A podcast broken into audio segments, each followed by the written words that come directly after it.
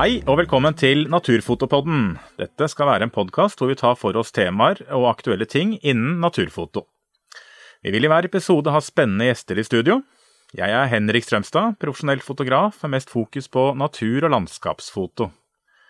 Jeg er medlem av Norske Naturfotografer og sitter i juryen til NM i naturfoto, som arrangeres av Villmarksliv. I dag har vi besøk i studio av en ringrev i norsk naturfotomiljø, nemlig Bjørn Aksel Bjerke. Eh, kort om han. Han er utdanna taxidermist, altså viltpreparant utstopper, og har vært autorisert siden 80-tallet. Og jobber i fuglesamlinga på Naturhistorisk museum. Og jeg tror ikke jeg skal gå noe mer i dybden, for dette her er jo ikke noe jeg har så mye kunnskap om, så jeg tenker jo bare ønsker Bjørn Aksel velkommen. Ja. Var du fornøyd med introduksjonen, eller var det noe feil her? Syns du var flink, Henrik. Ja, takk. Ja, nei, det er riktig som du sier, jeg jobber på Naturhistorisk museum med, med fuglesamlingen. Det vil si at vi ivaretar jo alt som er av fallvilt og forskningsvilt og det som er, men uh, tilbake til den ringreven, den har vi faktisk ikke på museet. Det er en Nei, det, sjelden art. du er den eneste. men uh, til daglig så driver vi med utstillinger på Tøyen, og da har vi bygga helt nye utstillinger på Geologisk museum og Palentologisk museum. Det vil si det er stein, og det er fossile dyr. min jobb om dagen det er å montere en spermasetthval-skjelett, som er en 14-15 meter eh, langt, som skal opp i taket på Paleontologisk museum. Så det, det, er dagens oppgaver. I dag så har jeg klargjort den for transport fra Økeren på hvert verksted som jeg har montert, og så skal vi ha den ned til Tøyen i morgen. Så hvis folk er ute på Carl Berner i morgen, så får de se en hval som kommer kjørende forbi. Men du sier dagens oppgave. Jeg, jeg ser for meg at det her er ikke gjort på et par dager. Eh, hvor, hvor, stor jobb er det du snakker om her? Nei, Sånn fra bånn av så er det jo en kjempejobb, men vi har, eh, vi har tatt over et hvalskjelett som en kar fra Fredrikstad har uh, skjelettert. En uh, spermasetthval som døde i Oslofjorden. Lå og fløyt i Oslofjorden, og han tok den opp i 2009, mener jeg å huske. Så har han skåret av alt kjøtt og fett og tatt vare på skjelettet og og lagt det til eh, forråtnelse for å ivareta beindelene. Og så har han hatt det hjemme i Fredrikstad, litt i stua, litt på soverommet og litt ute i bakgården på en skole han bor på, eller bodde på. Og så fikk vi overta dette til utstillingene våre, da. Så vi var heldige sånn sett og fikk et ferdig varselett. Men vi måtte sette det sammen. Det var jo tusen biter, som man uh, kaller det. Men uh, nå er vi godt på vei. Nå har vi montert sammen nesten alt sammen og nærmer oss slutten. Men eh, ja, sette sammen, hva, åssen gjør du det? Er det Limer dere, eller er det Nei, altså det, Ja, vi limer litt òg, faktisk. Men eh, det går jo på sveising og boring og gjennom alle skjelettdelene. Og vi har eh, tjukke rør gjennom og, og skrur det sammen og, og, støper det sammen med noen støpevæsker og litt forskjellig. Så det er ganske mange forskjellige prosesser, da. Men det, det, det er liksom å sette det sammen så det blir solid. Det skal jo henge i et tak som vi har eh, tusenvis av publikum hvert år, så det kan jo ikke falle ned. Nei, det er ikke noe tema. Det er ikke sånn, det her må bare holde. Det må bare holde. Ja. Det, er, det, er, sertifisering eh, på hver eneste skrue vi bruker, både i tak og dersom det er litt eh, belastning, så skal det sertifiseres av noen sånne sertifiseringsbyråer og litt forskjellig. Så det, det skal være 100% sikkert. da. Det må det være. Ja. Men, men sånne hvaler, det, det, er ikke noe du driver med hver dag, sånn i utgangspunktet? Nei, det er den eneste hvalen jeg har. Ja, jeg vil si jeg har gjort det samme med en liten hval før, da, men eh, det er kanskje den eneste gangen i livet jeg opplever å jobbe med en sånn en stor ja. sak. Men altså, den eh, hovedgrunnen til at vi har invitert deg i dag, er jo ja, altså, Du har jo en eh, meget høy kunnskap om eh, dyre- og fugleliv, men det er jo også at du er en meget habil naturfotograf. Takk. Eh, og i dag skal vi fokusere litt på skogsfugl og mm, storfugl. Altså orrfugl og tiur og leik. Uh, jeg tenker vi starter litt med orrfugl og orreleik. Ja. Uh, som er uh, den, den kanskje den fuglen det er lettest å oppleve på leiksituasjon, da.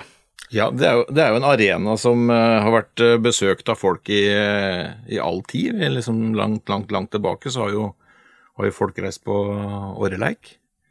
Eh, og det er jo en forholdsvis enkel eh, ting å besøke hvis det finnes i nærområdene. Og det er jo en fin våropplevelse. Mange forbinder jo årfuglleik med, med 1. mai. Det, var liksom, det var en fridag som, gamle, som, det var i gamle dager, og da dro folk på, åreleik. I hvert fall bygda der jeg var fra. Da skulle vi på åreleik 1. mai.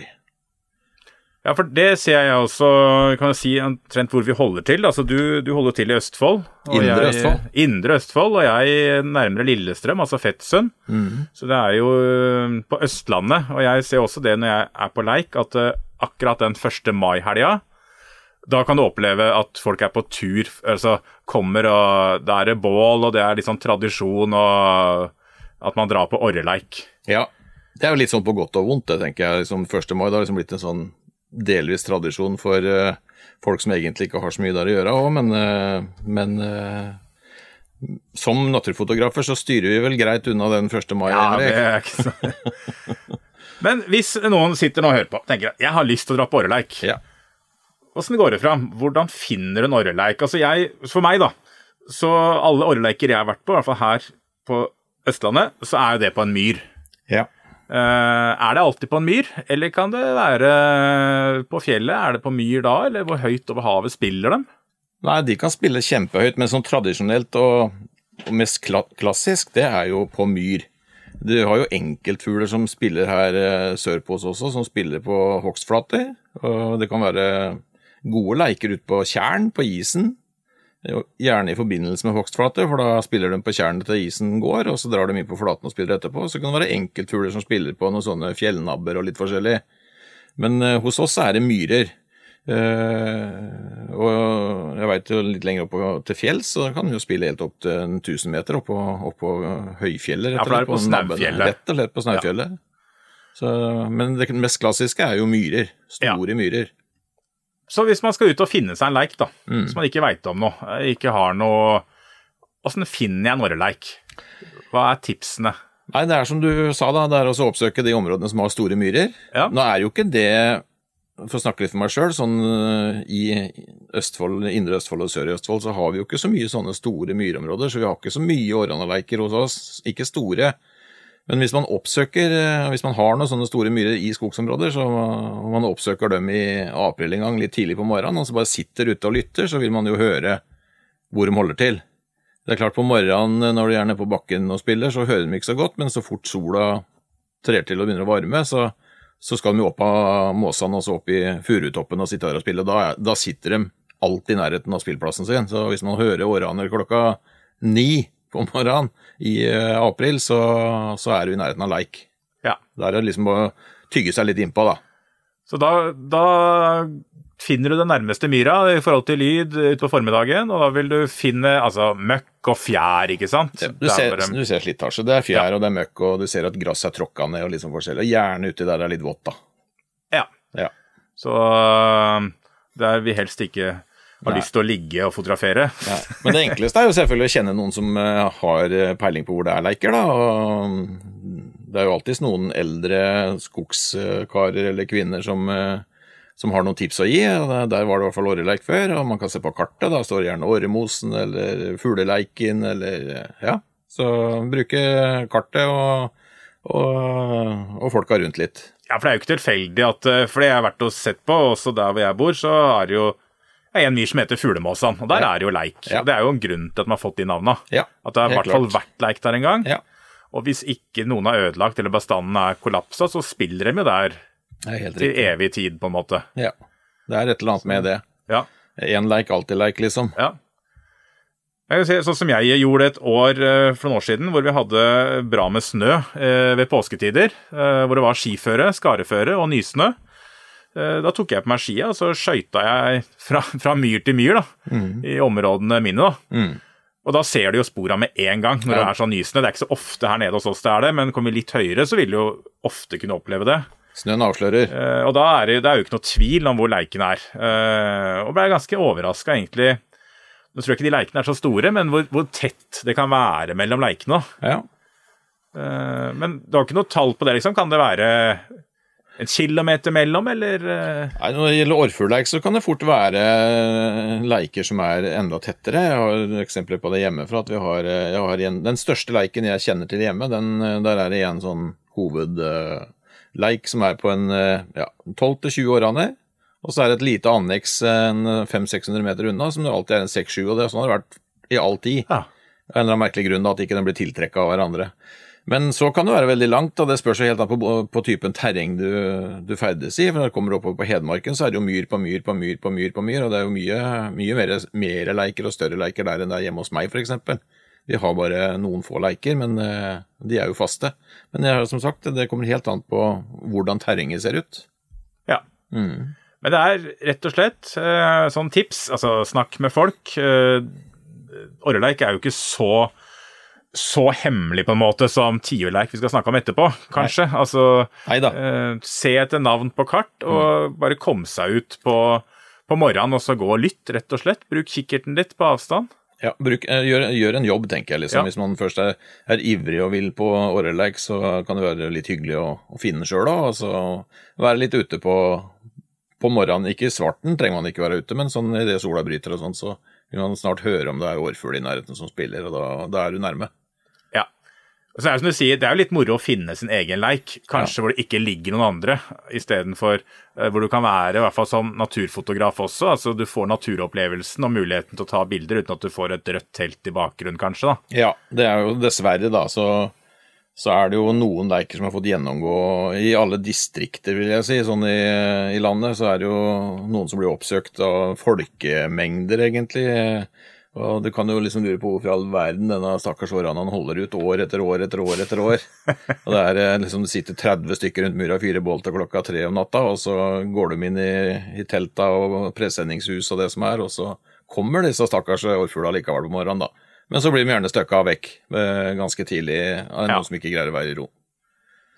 For nå, nå kommer vi litt over på åssen man skal oppføre seg. Eh, hvis vi da, vi da, som naturfotografer, du har funnet deg en leik. Du har kanskje gått på vårsnøen, funnet mm. spor og sportegn, og så eh, drar du inn der. Ta med deg telt. Eh, for jeg tenker at det er bedre at man har med seg telt, istedenfor å begynne å kappe ned og bygge huk og holde på. Ja. Eh, Kan man ha med seg, Hvis ikke du har kamuflasjetelt, da, kan du ha med deg et eh, rødt fjelltelt?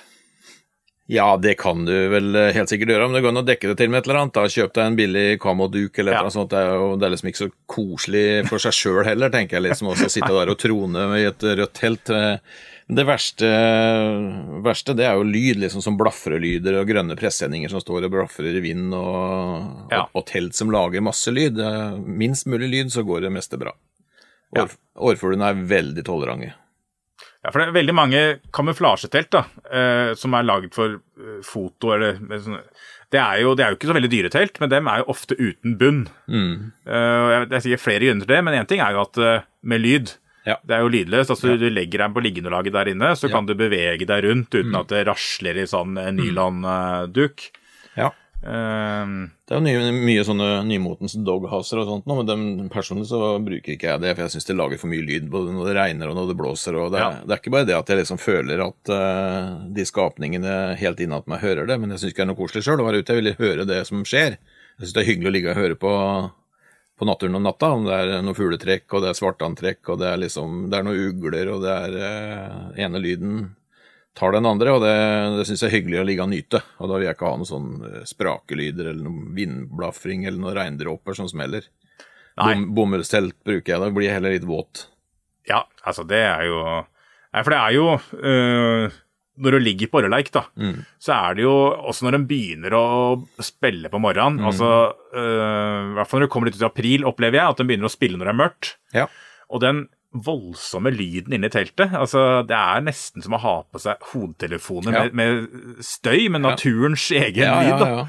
Eh, Det er så voldsomt. Det er intenst. Du, du, det må oppleves, da. Ja. Jeg tror ikke det, jeg tror ikke du kan gjengi Jeg har prøvd å liksom filme med telefon og ta opp lyd og sende, Mm. men, men det, det, er jo ikke i nærheten av den opplevelsen å ligge der og høre den der lyden. Mm. Ja, det er så det liksom hele vif, eller lufta vibrerer. Kjenner, Ja. Du føler liksom at det, liksom, det slår imot deg et eller annet. Det er sånn ordentlig trøkk, altså. Så Så- fantastisk.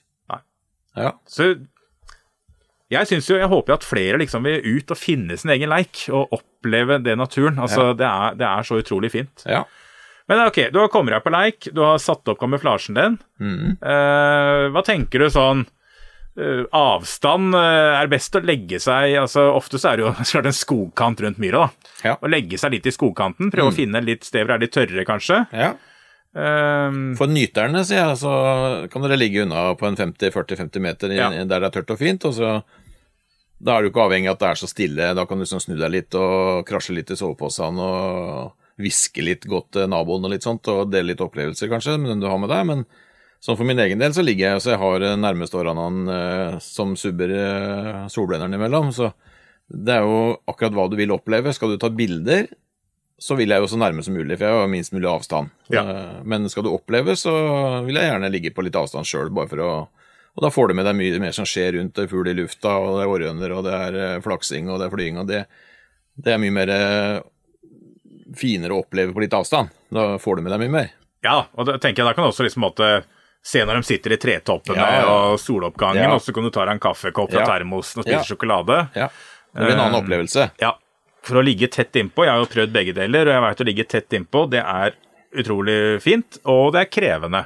Ja. I hvert fall med naturfot i dag, da, hvor vi Uh, Hvis vi går 10-15 år tilbake, så satt vi jo i kamuflasjen og fotograferte. Det gjør vi jo ikke lenger. Mm. Nei. Skal du få bra bilder i dag, så skal du ligge. ja. Objektivet skal ligge på myra. Ja.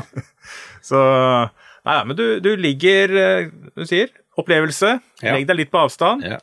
Og du vil også få en bedre oversikt. Ja. altså Hvis du, hvis du kommer litt nærmere, så er det greit å ligge én natt på den Ja. i skogkanten. Og så kan du kanskje gå litt nærmere neste gang du er der, for da, Ja. da veit du hvor de, hvor de spiller på myra. Ja. Så tenker jeg liksom, da, hva, hva er du ute etter? Tenker jeg liksom, Vil du bare ha en fin eh, opplevelse med årfugl og en, vårnatt ute, så er det avstand som gjelder. og Hvis du vil ut og ta de spektakulære bildene, så, så kan du gjøre det annerledes. Da får du legge deg ute i våte blautmyra. Det og- går fint. Ja. For en natt. ja. Og så er det jo det med årfugl, da, at du trenger jo ikke å legge deg i myra på kvelden. Det er jo bare å sove i teltet, eller sove under åpen himmel på tørrmark, og så går du ut og, og legger deg sånn en halvtime før, eh, før årfugla kommer. For det, det jeg også lurer på når du sier før de kommer, men jeg opplever jo eh, jo lenger ut på våren du kommer, at de kommer inn og setter seg på myra når det er mørkt. Mhm. Og så sitter de og buldrer og holder på litt, og så poff, så forsvinner de. Ja. Nå tenker du på kvelden? Nei, på, på morgenen. Ja. Og så tar det litt tid, og så er de tilbake igjen. ja. Men hvor eh, hva, eh, Blir de skremt når de stikker av sånn, eller er det bare Det er instinkt, tror jeg. Det er rett og slett at de er jo en voldsomt utsatt eh, objekt ute på myra. Det er en svart årane ute på gul gress. Det, Ja. det er jo hønseautomat, spør du meg. Ja. Så, så fort det er en liten bevegelse, og en av disse øh, hårene reagerer på noe, så reagerer resten. Det er jo sosial ja. angst, nærmest, da, som de har. De er jo noen ganger så kan du oppleve at de ikke er av. Da, da er det gjerne århøner på myra, og da, for da skyr de ingenting. Det er liksom det som gjelder. Men når det er sånn litt tidlig Litt tidlig i april eller i mars, så da er de vare, for da Det er som sagt det er rovfuglmat, vet du. Så Ja. det er sånn de må reagere. Så, ja, for jeg har også litt erfaring. Eh, I år så For min del da, så var jeg litt, lå jeg litt tidlig på leik. Altså jeg var, var på orreleik i, eh, rundt 20. mars. Ja. Eh, og så ser jeg jo på nettet. Fantastiske. Nå, nå slåss de mye. Nå er det liksom Når, når du skal ta, når du skal ta slåssbildene av or- orrhanene. Så jeg dro på leik, og det gjør jeg år om annen. Eller nesten hvert år så er jeg på orreleik, men ikke alltid jeg drar ut så tidlig. Nei. Og går inn på kvelden, setter opp kamuflasjen min ute på leiken, svær myr, og legger meg til. Og så hører jeg da, sånn idet det begynner å bli lyst, at uh, hele flokken kommer. Masse orrfugl, og så lander de ikke på myra. De setter seg i træra.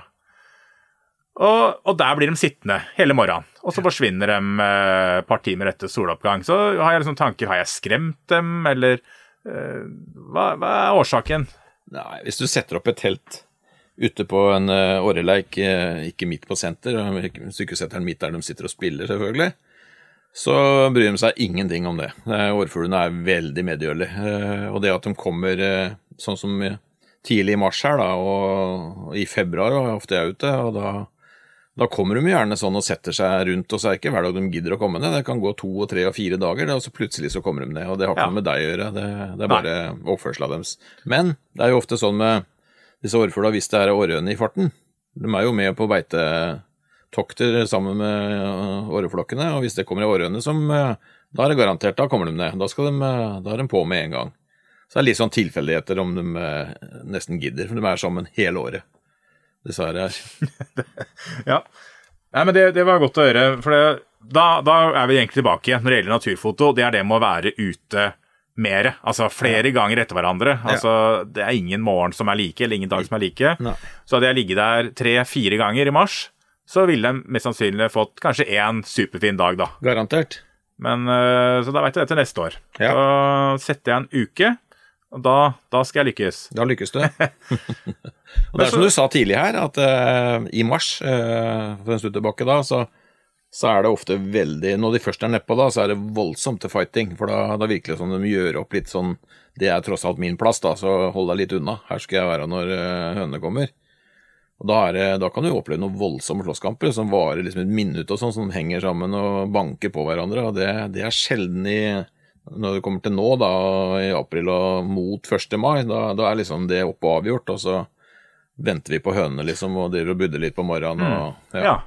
Ja, det er veldig interessant, syns jeg. For det, det opplever jeg også. For jeg ligger jo vanligvis da på åreleik, eh, kanskje et par netter hvert år. Og da er jeg ofte ute sånn rundt eh, 20. april, da. Ja. Tenker jeg, nå er det trøkk. Men da opplever jeg at eh, de slåsskampene som er, varer veldig kort. Det er skyggeboksing. Det er tre sekunder, bare trurt, Ja. og så er det over. ja. Nei, det er litt typisk, det. Altså Da får du ett bilde hvor hun da hoppa ut av, ut av bildet, kan du si. Hun utafor. Ja. Og så tenker jeg så, Men det, da har jeg i hvert fall lært noe. At Ja. uh, jeg må ut tidligere, for Ja. det, da har de egentlig etablert sine plasser.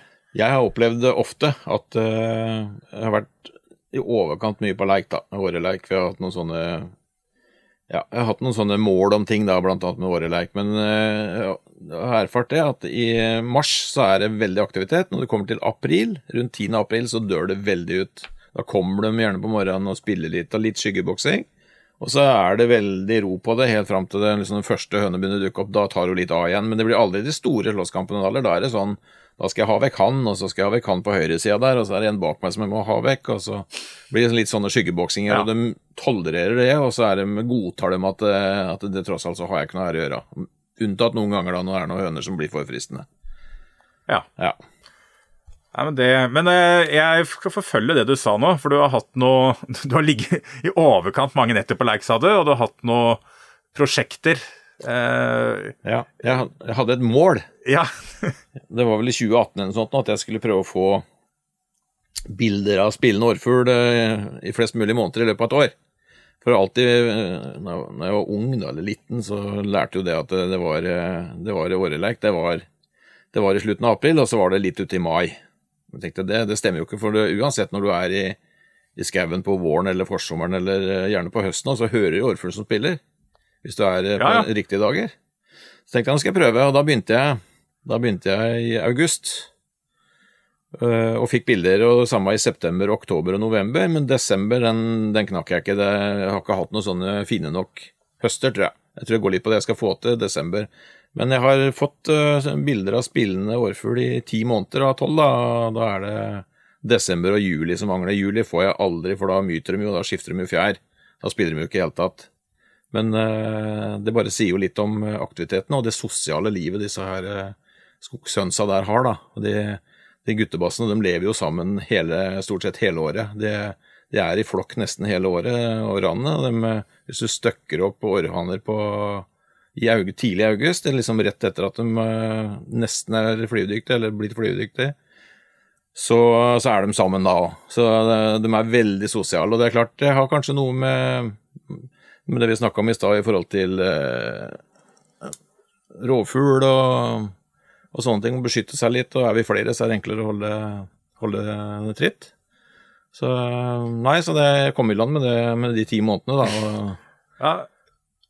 Men, men da, det jeg bare lurer på, når de da Når du ligger på en sånn leik i september, da, Ja. slåss de da òg, eller? ja, ja.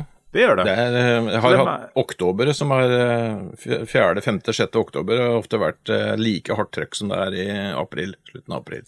For et liv. Går på hverandre, og da kommer dukker gjerne høner opp. Det er jo ofte da at eh, kulla fra sommeren, de er også veldig sosiale, så de kan plutselig dukke opp på, på leiken, og da noen sånne små smalhalsa orrhaner. Og så hønene ser jo helt like ut som gamle hønene, de ser jo ikke noe forskjell på annet enn litt i fjæra.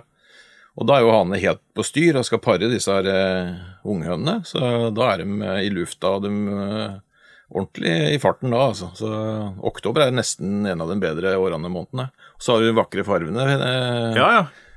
så da er det jo, kan det bli kjempenydelig. Så, ja. ja. Det er jo et veldig rart liv. Jeg tenker sånn Jeg har jo truffet deg litt opp igjennom i forskjellige sammenhenger i naturfoto. Liksom, hvis vi er kompiser, at Mhm. når, vi, når vi møttes her nå før innspilling, skulle vi ha slåss litt først. Ja. Boksa litt og Ja. fått en på trynet, og så hadde vi Så drikker vi kaffe etterpå. Drikker kaffe etterpå og snakker sammen. Ja, og så før. Du, og så før du går etterpå, så vi bokser litt til, da. Ja, ja. Det er akkurat sånn det er. Merkelige greier. Ja, det- De er altså De kommer flyende i flokk og sitter sammen og beiter, og så er det ned på myra og slåss, og de river hverandre er nesten i filer imellom, da. Ja, Og så er det av myra, som du sier, og så sitter de der og er ja. verdens beste venner igjen. Og så drar vi på tur og spiser litt mat. Ja. Det, er, det en veldig fascinerende fugl, og jeg tenker at eh, det er jo egentlig litt sånn lavterskel. Altså, er du interessert, så tror jeg de fleste bør kunne klare å finne seg en orreleik. Ja. I hvert fall hvis det er områder som det finnes Ja. Det er jo, som jeg sier, sånn som vi har i Indre Østfold eller i Østfold, så er det mer storfuglskog enn det er orrfuglskog. Så det er lengre imellom uh, orreleiken, men kommer du litt oppover i landet Vestlandet er det jo Så er det bare ut. Det er ut og lytte. Kom Ja. deg ut. Eller bli kjent med folk som har, eh, har noe å fortelle. Ja. Og, og så må man ikke da ligge, sånn som mange tror, at det er liksom kun rundt 1. mai. Altså Da er kanskje mange steder er det over, i hvert fall her i Sør-Norge. Ja. At uh, man like gjerne kan dra ut til andre årstider også. Ja da. Uh, og gjerne i mars, men eh, også. Men som du sier, det kan være litt mer ustabilt. Ja. Men det kan også være helt fantastisk. Kan du si fra 1. april til eh, 1. juni så er det 100 Da er de jo på myra hver eneste morgen. Ja. Enten du vil eller ikke, så selv om du skremmer dem av myra, da, så kommer de igjen etter en halvtime, liksom. De, da skal de dit. Og da, i mai eh, mot juni, så spiller de jo om natta, midt på, midt på svarteste natta. Ja. Og det som du nevnte òg, naturopplevelsen med å ligge ute på våren, Mm. høre lydene.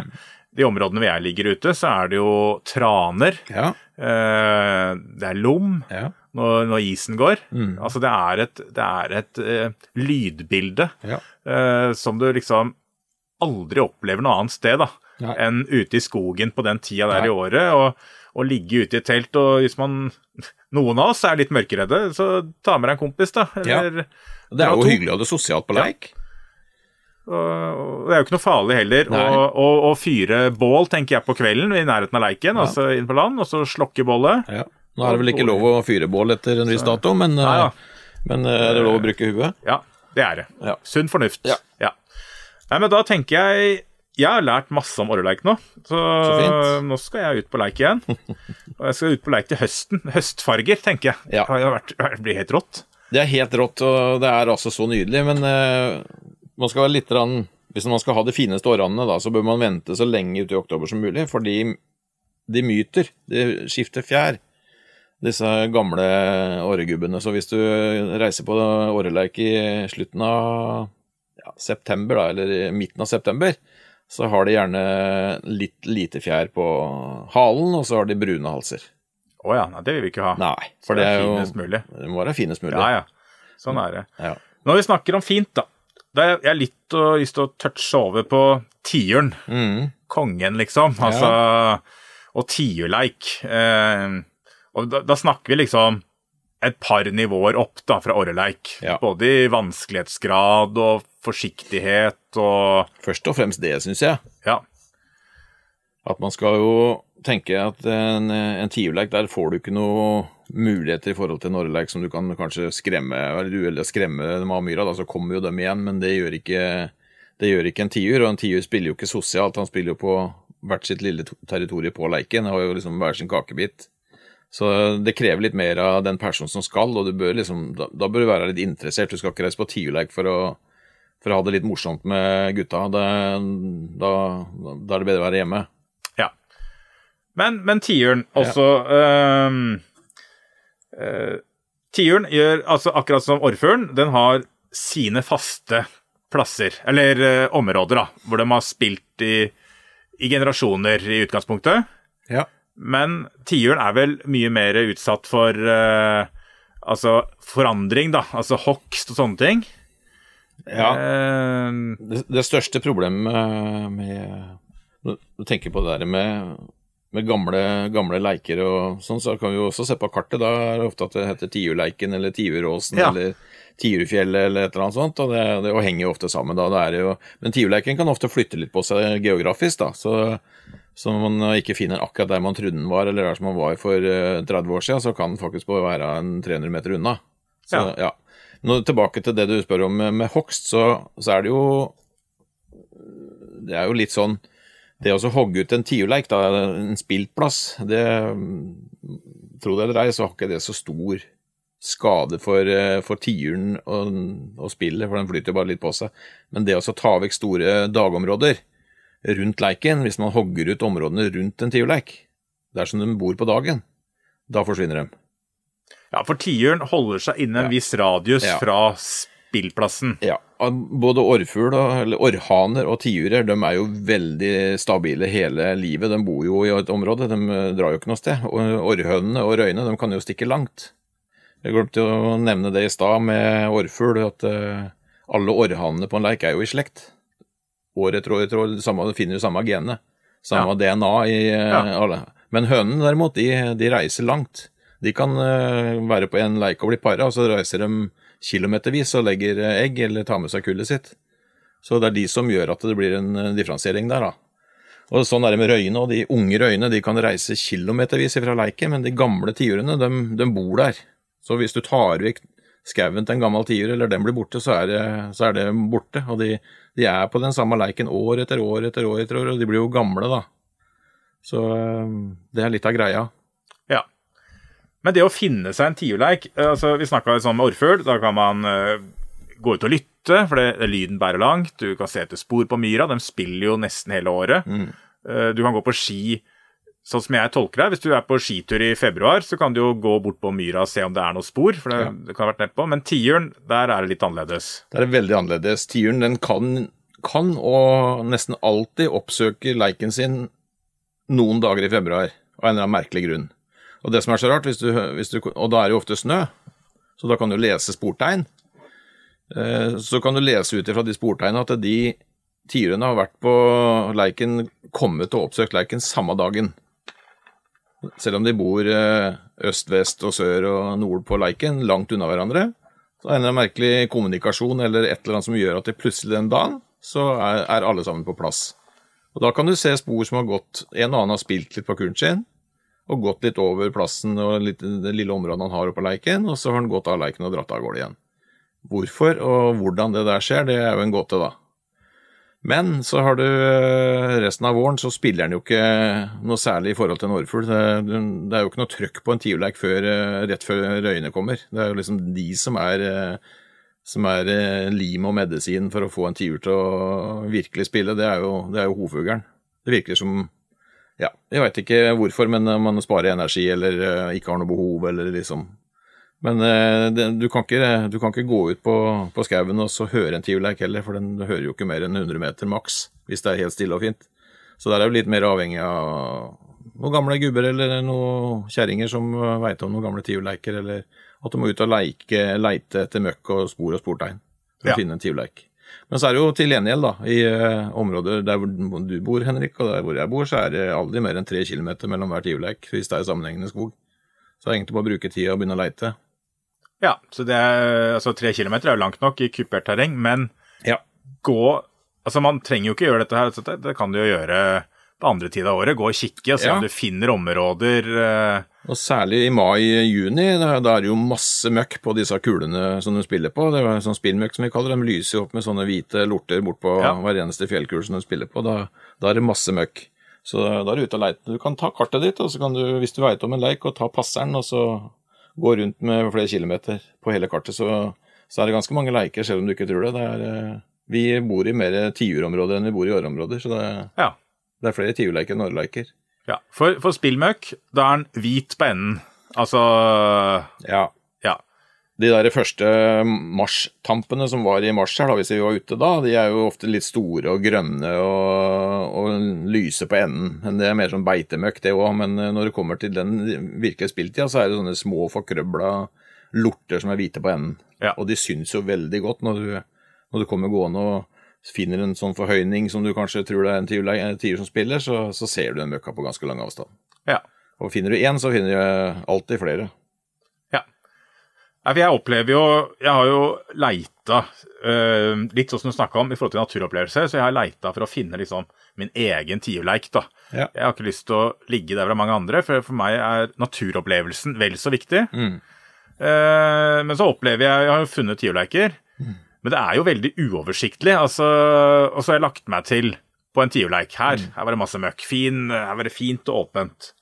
Det er jo ikke der de spiller. Eh, altså Det er så vanskelig. Og, og så er det forskjell geografisk. Hvis du reiser til eh, ja, si Valdres eller Gudbrandsdalen eller Trøndelag eller så er jo den samme kuren som røyene blir para på. Jeg har jo sett masse bilder. Jeg har jo vært grønn av misunnelse. Sånne bilder der det ligger 12-13-14-15 flate røyer. Ja, ja. Det, Så går gubbefar rundt og spiller. Sånn ser jo ikke vi her. Det skjer ikke det her. Det, når du kommer oppover, så kan du reise til samme leiken år etter år etter år. Selv om tiuren blir bytta ut, så er den paringskuren ofte i bruk. Av en eller annen merkelig grunn.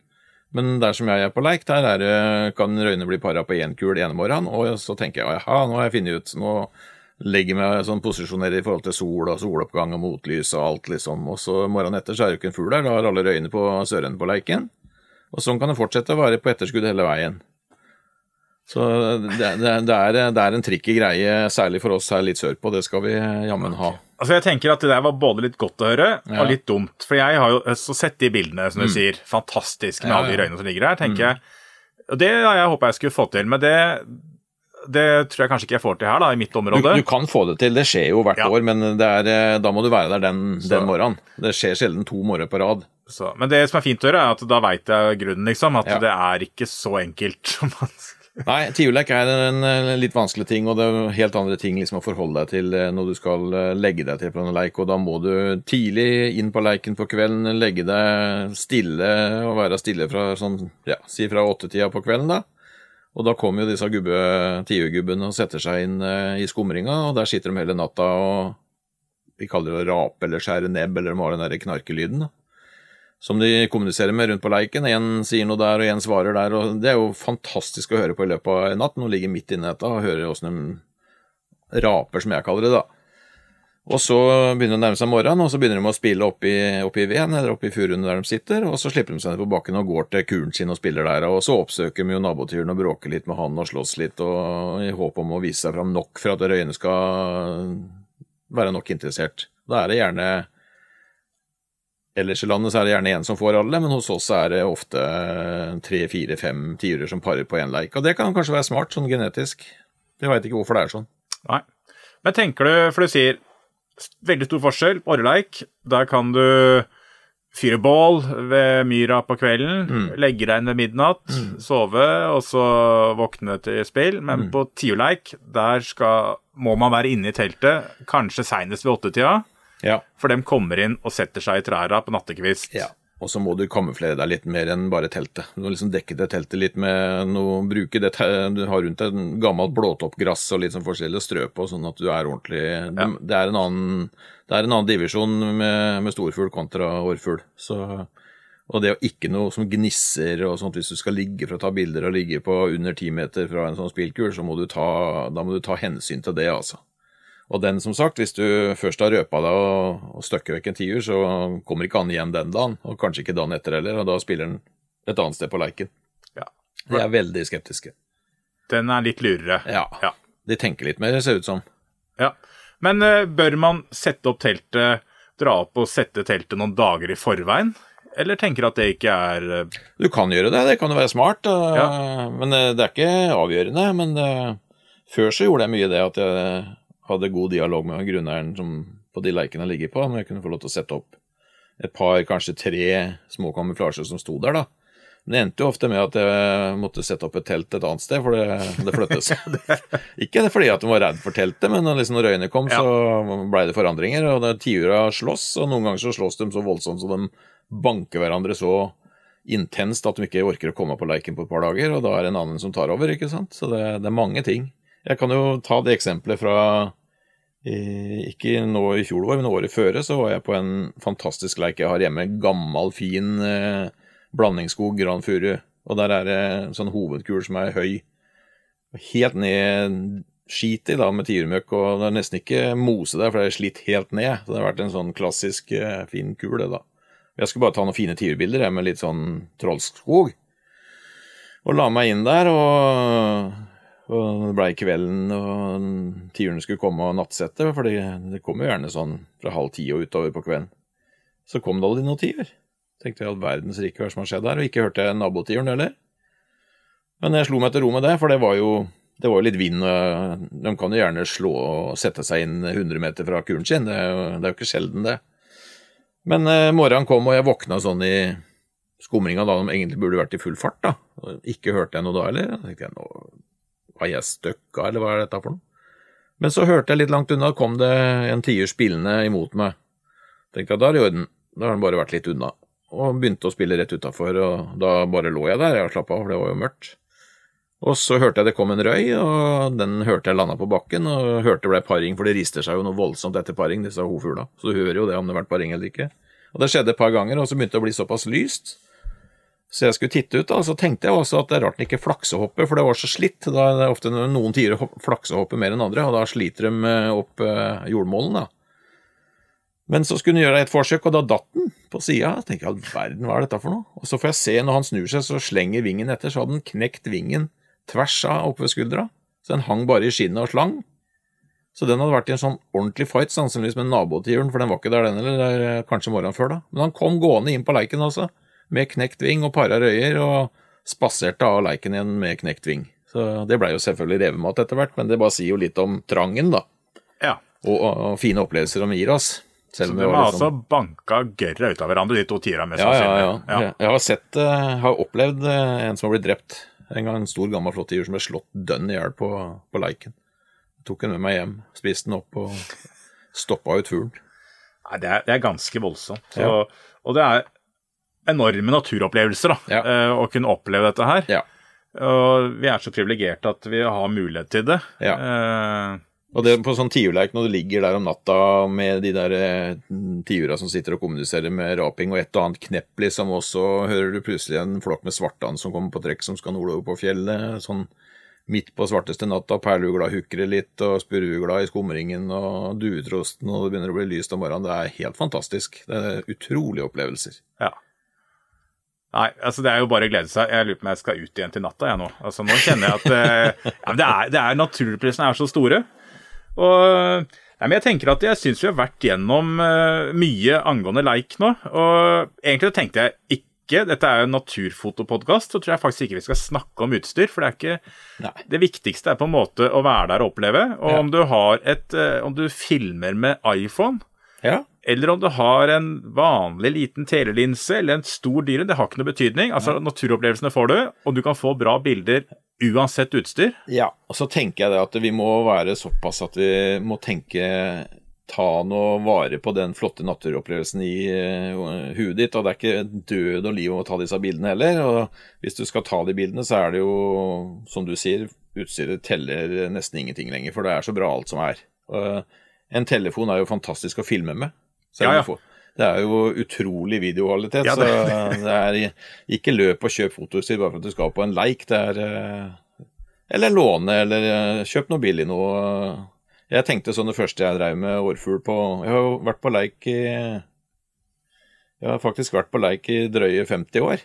Så det første utstyret jeg hadde da, var, var jo sånn at jeg bare prøvde å komme meg så nærme som mulig, da. Og da, da gjemte jeg meg jo helt, pakka meg ned i i gress og, gør ute på Åremyra, lå der og hadde dem på tre-fire meter. Da blir det bra bilder uansett. Jeg sier ikke at alle skal ligge ute i møkka, men, er, nei, nei, men det... du har muligheten. Ja, ja. Men tar du bilder på 50 meter, så blir ingenting bra.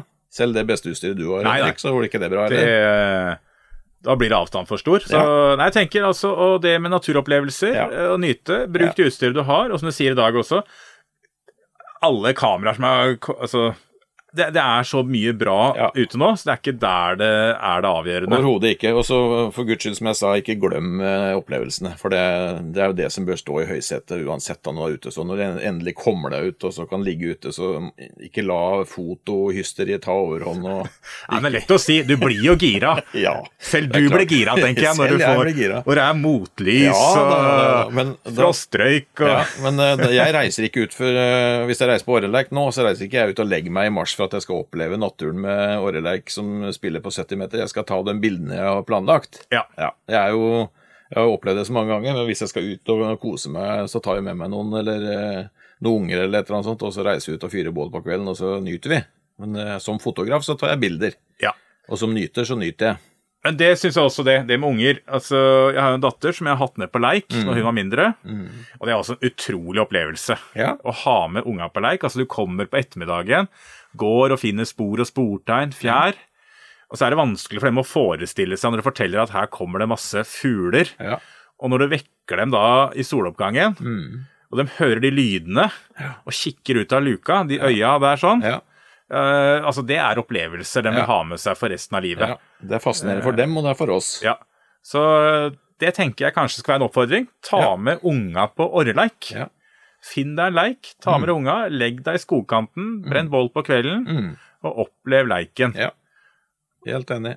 Og så kan du klart ha med deg kamera. Og, eller skal du dra ut uh, når du ikke har med unga engang, kan du Ja. legge deg ut i Blautmyra, og så Ja. kan du få de bildene du har drømt om, og som du kan se på Facebook massevis av. Ja. Det er ikke alltid så lett å få de råeste bildene heller, så det, det koster litt tid. Det er ingenting som blir likt. Ikke én ikke tur er likt, selv om jeg vet ikke hvor mange turer jeg har på Åreleik, men eh, jeg har vel ikke én morgen som jeg liker, eller som har gitt meg de samme bildene. Opplevelsene blir forskjellige, og det er eh, alltid noe som skjer. Det er det som er så fint med naturen. Ja. Nei, men vet du hva, da takker jeg for at du ville sette en time nå i fineste vårtida Ja, til å snakke med oss. fantastisk. Ja. Og så skal du ikke se bort ifra at vi vi har en prat med deg seinere, for du besitter mye kunnskap, og jeg tror ikke det er bare jeg som har lært mye her i dag. Nei. Så Det er hyggelig, det. takk skal du ha for at du var med oss her i dag. Takk for at jeg fikk komme.